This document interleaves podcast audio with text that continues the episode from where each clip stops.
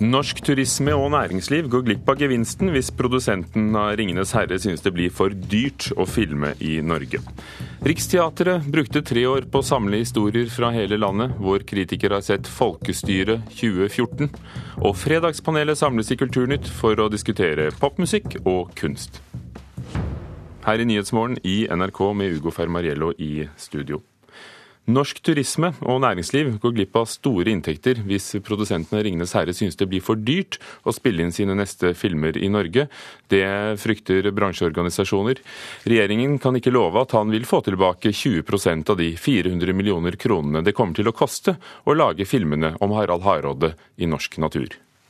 And the ring that would give him the power to enslave the world. Lost for centuries. 'Ringenes herre'-filmene er noen av de største suksessene i filmhistoria. Med et budsjett på 400 millioner kroner vil produsenten av filmene, Barry Osborne, lage tre filmer om vikingkongen Harald Hardråde, og helst vil han lage dem i Norge.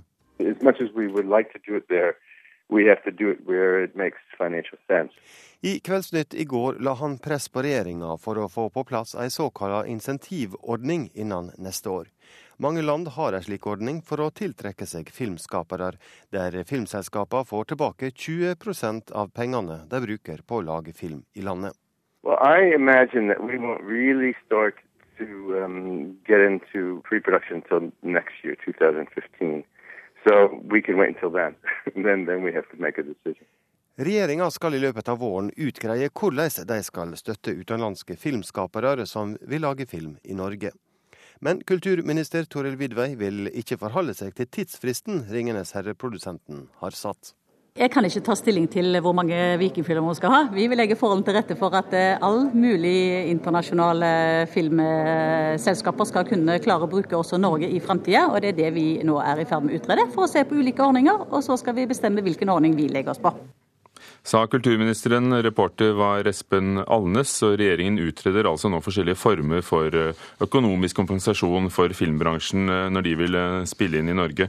Ulrik Eriksen, filmkommentator i Morgenbladet. Hva tror du en Hollywood-serie med vikingfilmer kan bety for Norge? Jeg er litt usikker på hvor mye det vil bety. Når sånne eksempler blir trukket frem, så er det ofte med store trommer og store summer det er snakk om. Eh, det er Det er jo det. Ja, men 400 millioner, og så er det 20% av det. Eh, jeg er ikke klar Det er ikke helt åpenbart at det er veldig store summer det er snakk om. Eh, det er mer følelser involvert her. Det bruker ofte pinlig og flaut. og Man snakker om at det er dumt at ikke utenlandske produksjoner kan komme til Norge. Men spørsmålet må være liksom, er det er det en god avkastning, eller bør man bruke denne type subsidiering, subsidiering til andre sektorer for å gjøre de samme effektene? Hilde Charlotte Solheim, direktør i Virke reiseliv og kultur. Hva tror du Norge går glipp av når filminnspillinger, både norske og utenlandske, ikke legges til Norge? Altså for det første så går vi glipp av etterspørselseffekten. 400 millioner kroner, ingen må være i tvil om at det er mye penger. Hvis deler av de pengene legges igjen i et lite lokalsamfunn, så handler dette om mye mer, mer enn film. Det handler om en underleverandørindustri, men det handler om transport, innkvartering, tjenesteyting, varekjøp. Når en Hollywood-produsent legger igjen 100 millioner norske kroner på Island på en uke, så er det et forbruk så vi måtte brukt ekstremt mye turistmarkedsføring eller andre virkemidler for å få. Så dette er først og fremst en næringspolitisk sak. Disse pengene brukes, brukes i dag i andre land. Og det handler om å refundere litt, men ikke alt av statens andel. Og når elleve europeiske land, bl.a. land som har hatt veldig tøff finanskrise, har bestemt seg for at dette er veldig lønnsomt, at noen tar med seg disse pengene og bruker i vårt land, så er dette faktisk i pluss. Selv før turist markedsføringseffekt og en effekt ved at vi får en oppbygging av norsk filmbransje. Ulrik Eriksen, som eh, filmkritiker, eh, hva vil, no, hva vil, en slik ordning gjøre, om ikke for turismen, så, så for filmbransjen i Norge? Ja, altså, det er jo er det næring eller er det kultur? Altså, nå sier Solheim at det er en feilslutning å behandle insentivordninger som eh, filmstøtte over Kulturdepartementets budsjett. og Spørsmålet er men det er ikke så enkelt at det bare er næring, fordi dette er snakk om kultur. Det, en, det, vil bety en insentivordning vil også måtte gjelde for norske filmer. og Det vil da være snakk om en ekstrasubsidiering av norske filmer, som, går, som, bør da gå over kulturbudsjettet. Nei, nei på, eh, ingen, på ingen måte. fordi at Vi har et støttetak. Vi er en del av et europeisk område. så vi har et støttetak. Du kan ikke få mer enn 75% filmstøtte. Men det at Ja, men de fleste norske filmer har Et, et øyeblikk, Eriksen. Ja, Solheim det at man sparer 6 millioner kroner på, på, å ha flere innspillingsdager av tungtvannsproduksjonen nå i Tsjekkia enn i Norge, det henger ikke på greip. Og Det er tre grunner til dette. Det er at Norge er dyrt, det er at vi har mer ugunstige arbeidstidsordninger, og så er det mangel på insentivordning. Og når internasjonal film- og TV-bransje nå, TV-serier som spiller inn over tid, sier at vi er villige til å komme, bare dere får på plass insentivordningen, så handler det om at vi sier nei takk til penger til norske distrikter. Vi bruker ganske mye tid på å prøve å finne ut hva vi skal leve av i Norge i framtida. Da, da, lar vi Eriksen, lar vi Eriksen overta ordet. Nei, Når altså, Død snø er innspilt på Island, Kampen om tungtvannet mye i Tsjekkia, Oslo-filmen Beatles i Budapest, eh, da viser det vel at bransjen er så skjev at Norge også burde begynne å gi den samme typen støtte? Ja, og det er godt poeng det der med Beatles i Budapest. Det sier også noe om for Her er det snakk om eh, mange forskjellige ting. Eh, eh man, ofte, man, argumenterer ofte med at det skal være en reklameeffekt for Norge. Eh, og det er spørsmålet når, eh, når Beatles blir spilt inn i Budapest, hvilken reklameeffekt har det for Budapest? Eh, og Det samme vil jo være da eventuelt hvis man får produksjoner til Norge, så er det ikke sikkert at det er noen reklameeffekt. Altså, eh, denne insentivordningen som er en karusell internasjonalt, der folk underbyr hverandre, land underbyr hverandre for å gjøre det gunstigst mulig. Og Det gjør at eh, sted blir mindre viktig. Det er økonomi som bestemmer hvor filmer skal spilles inn, ikke hva slags kvaliteter stedet har i seg selv. Og Dermed så, så får man en utvikling hvor, hvor nettopp sted øh, maskert for å uh, gi inntrykk av at det er et annet sted. og Da er reklameeffekten for Norge usedvanlig liten, vil jeg mene. For Hilde Charlotte Solheim, hvis vi ser, ser, og amerikanere som ser død snø, tror at det er Norge, så spiller det ikke noen rolle om opptakene er gjort på Island? Vet du hva? Det er, uh, det er en ikke ubetydelig industri internasjonalt med location-turisme. Grunnen til at man vil komme til Norge, det er selvfølgelig ikke studioene og det man kan gjøre innendørs, men det er eksteriør. Dette animeres og bygges opp. Man jukser når man lager natureksteriør. Så Grunnen til at produsentene nå står i kø, det er at vi har vikingfilmer og andre filmer som ønsker seg den norske naturen, og det er den New Zealand-effekten. Og, og det, være, der, der, må jeg, der, må jeg, stanse deg og spørre Ulrik Eriksen helt kort til slutt. Det må da gi bedre filmer? Når de slipper å jukse til eh, naturen digitalt og så videre? Ja. Men om de da har noen eksperiershots som gjøres eh, med gunstige vilkår, det kan man sikkert ordne. Men om man skal lage en helt ny insentivordning for hele den norske filmbransjen fordi eh, noen vikingfilmer står og banker på døren, der er jeg mer usikker. Takk skal dere ha, begge to. Ulrik Eriksen, filmkommentator i Morgenbladet, og Hilde Charlotte Solheim, direktør i Virke reiseliv og kultur.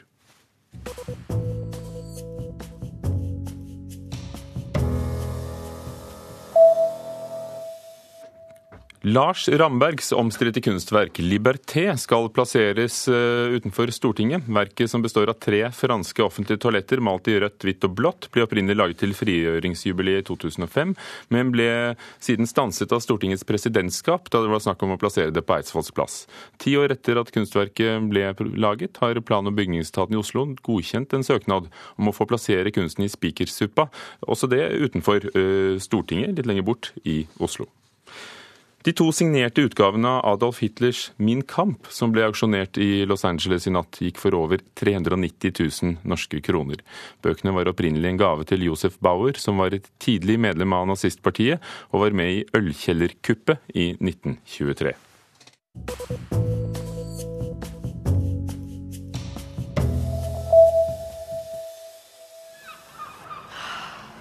Hvem er du nå? Mann 41 Honningsvåg, Feskar. Kan jeg få spørre deg om du har tro på at det norske folkestyret fungerer? Ja, Om det funker? Ja, på sett og vis så gjør det jo det. Men det er jo mye Mye, mye, mye sånn, sånn tøv. Folkestyret 2014 på Riksteatret. Og her hørte vi et utdrag fra forestillingen. Karin Frøsland Nystøyl, teaterkritiker i NRK. I tre år har regissøren og manusforfatteren samlet historier fra hele Norge som er blitt til dette stykket som nå skal ut på turné over hele landet. Hvordan ble det? Det ble eh, det som jeg vel vil kalle for feel good-teater. En veldig koselig og hyggelig forestilling, kanskje litt komedieprega dokumentarteater.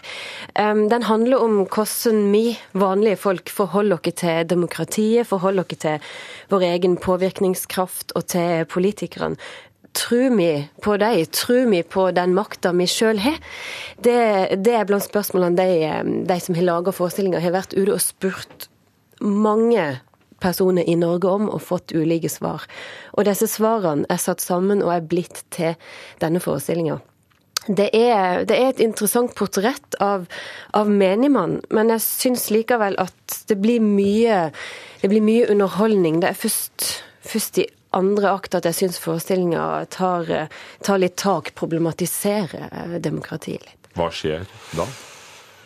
Da kommer, da kommer de, de, tunge, alvorlige historiene inn. De som de, de kommer til orde som kanskje ikke blir hørt. Helt konkret handler det om en historia historie til en bibliotekar på 68 år som eh, hadde foreldre som var medlemmer av NS, og hvordan de ble nærmest utstøtt fra samfunnet etter krigen. Og eh, hun snakker om, om, rettsvern for alle. Hun snakker om noe som, som utfordrer oss i det demokratiske Norge nå. Eh, hvorfor behandler vi ei gruppe på den måten som vi gjorde? Eh, mens ellers så er det mye sånn eh, Altså, vi ler av de to karene fra Vadsø som vil ta for seg statsbudsjettet og stryke litt her og sette inn litt der, og så får vi råd til det vi vil. Eh, det, er, det, er, mye å le av da, i forestillinga. Eh, såpass mye at jeg satt og tenkte at jeg hadde egentlig mest av alt lyst til å spørre den som som satt ved siden av meg. Hvorfor, hvorfor lo du nå? Eh, hva, hva, hva, lo du egentlig av? For det som Altså, dette er et prosjekt det, det, engasjerer meg jo litt, dette her. Eh, det er et prosjekt som er gjort med enormt stor kjærlighet fra skuespillere og team til de de har intervjua. Eh, gjort med respekt for alle meningene og alle folkene de har snakka med. Eh, men jeg tror det er ei felle de kanskje har De har vært borti den fella. Om de har dumpa helt ned i den, det vet jeg ikke om jeg syns. Men de sier i forordet i programmet at de har jobba så lenge med dette som teatertekst at vi nesten har glemt at det er virkelige mennesker som har sagt ordene. Jeg tror at for de som er på scenen, så er, dette, så er det virkelige mennesker sine replikker som kommer fram. De husker de de har snakka med. Mens vi som sitter i salen um, Når en sånn noe ektefølt, noe, noe, sagt, en transkribert eh, replikk, eh, veldig autentisk, blir tatt til scenen, så skjer det noe med den teksten på veien. Plutselig så blir fiskeren typete, så blir læreren typete. Så framstiller vi det òg eh, i regien lite, lite, lite grann typete. Og så sitter jeg som publikummer, og så kan jeg le av det. Så ler jeg av en ærlig mening fra et menneske, eh, og mange av de de har intervjua, har jo syns at det har vært vanskelig å faktisk være ærlige. Og faktisk tro at det de har på hjertet, har noe å si. At de faktisk har noe på hjertet. Så det har tatt litt tid å hale, hale dette materialet fram hos folk. Og når jeg da sitter der og, og, så, og hører at vi, vi, ler jo bare det de sier, eh, de faktiske meningene de har om folkestyret, så, så skurrer det litt for meg, altså. Det gjør det. Regissøren Hilde Brinkmann eh, var jo her i Kulturnytt og fortalte om hvordan hun hadde reist med hurtigrute, buss og tog over hele landet og samlet disse historiene sammen med og bearbeidet med Henriette Wedel, som er da manusforfatter. Eh, målet er jo å gjøre folk litt klokere på hva folkestyret er, og har de lykkes med det? Altså, Det er et fantastisk prosjekt. Bare de reisene de har gjort, og alle intervjuene de har gjort. Det er mer, ehm, det er mer den framstillinga som jeg stiller meg litt undrende til. Jeg tror at dette er teater mange vil like veldig godt. Det er masse å le av, det er masse å kjenne seg igjen i. Det vil, sånn som det har gjort hos meg, det vil sette i gang prosesser om, ja, om hva folkestyret er, om, men hos meg da, og hvordan vi framstiller autentiske replikker på scenen. Det, det er jo engasjerende. Det hører du jo på meg. Jeg hører det. Karin Frøsland Nystøyl og Folkestyret 2014 får etter hvert turnépremiere på Jessheim, for det er det nærmeste de kommer Eidsvoll, før Riksteatret legger ut på turné over hele landet. 17,5 minutt over åtte Nyhetsmorgen i NRK med følgende overskrifter. Flere væpnede aksjoner på Krimhalvøya det siste døgnet utfordrer den nye ukrainske regjeringen. I natt ble den viktigste flyplassen på Krim okkupert av en gruppe som heiste det russiske flagget på bygningen. Den siktede politimannen skal ha brukt politiets datasystem for å advare smuglere, ifølge til, advokaten til en narkosiktet 47-åring. Påstanden er uhyrlig, sier politimannens advokat. Og en sentral mann i det norske islamistmiljøet agiterer for å få norske ungdommer til å dra til Syria.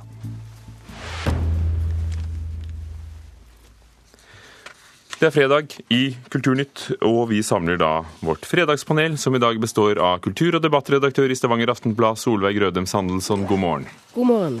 Håkon Gundersen, journalist i Morgenbladet. Hallo, hallo, du. Carl Fredrik Tangen, samfunnsøkonom. God morgen. Hei. Jeg fyrer eh, løs med første spørsmål. I går ble vinneren av konkurransen om minnested etter 22.07 kåret. Det skal være et minnested på eh, Sørbråten, som er en odde mot Utøya, og et regjeringskvartalet. Fikk vi riktig vinner, Solveig? Ja. Ja, ja. Nei. Eh, hvorfor ikke, Carl Fredrik Tangen? Um, jeg, at, jeg, jeg likte det ikke best. Altså, det, er, det, er, ikke så lett for meg å vurdere den prosessen akkurat. Men jeg, jeg syns det er et minnesmerke som litt sier at det er et minnesmerke. Altså, noe av Godt poeng. No, noe av grunnen til at du lager et minnesmerke, er jo liksom for å minnes. Fordi vi ubønnhørlig veit at tida Om det leger ikke alle spor, så forandrer tida hvordan ting er. Og så forsøker minnesmerket litt å fryse det sånn vi vil at etter, ettertida skal huske noe. Så jeg syns i hvert fall at den begrunnelsen som blir gitt for det verket altså, Jeg likte bedre det, det, som var mer enkelt. Så den, det var en krakk der, f.eks. Folk skulle sitte og så bare kontemplere. men de kaller det altså et minnested offisielt, fordi det er, eh, det er, ikke et monument i den forstand. Og vinneren er da svenske Jonas Dahlberg, som uh, på Sørbråten har uh, fått skåret da, skal skjære en kanal hvor vannet vil komme inn. Og så kan vi stå på denne siden og se ut i en fjellvegg hvor navnene på alle ofrene er inngravert, men vi kan ikke nå over. Hva syns du, Håkon Gundersen? Jeg syns det er helt uh, Men uansett hva man finner på av måter å kunstnerisk lage dette på, så vil man være synes det er fint, nesten. altså. Fordi at, men jeg synes det, Og det gode som skjedde her, var at det var et premiss i utlysningen for konkurransen fra dette her kunst i offentlige rom, KORO, at det skulle være navnene på de som omkom. Og, uh, og så lenge man har et minnesmerke med de navnene, og det burde dessuten være årstallene og med fødsels- og dødsdato, så blir sånne minnesmerker tunge i, i seg selv. Og uh, akkurat nå så er det sånn at det blir norske det er noe fjell og noe uh, gresstuster og sånt, noe som er akkurat typisk akkurat nå. Men uh, så lenge man har de tallene med seg, så, så, blir det så tungt som det må være. Og så er jo ideen da å bruke den uh, steinen som er skåret ut på Sørbråten ved regjeringskvartalet til å bygge et amfi, og kanskje til og med ta med noen trær, apropos natur. Eh, Solveig Grødem Sandelsson, hva synes du? Jeg, er vel eh, mest usikker på, på, den delen som handler om eh, regjeringskvartalet, og ikke minst fordi en har faktisk ikke bestemt seg for hva en skal gjøre med selve høyblokka ennå. Sånn at den delen av minnesmerket er det faktisk ikke lett å si hvordan kommer til å, å bli til slutt. Um, men jeg, ellers, altså, jeg kan godt være enige med Tangen òg her, for eh, eh, altså, det, er to motpoler i, i disse forslagene. og det, det, det ene her som, som vinner, er jo eh, tapet og såret i naturen. Altså Det er det som prøver å beskrive hvor stort dette var.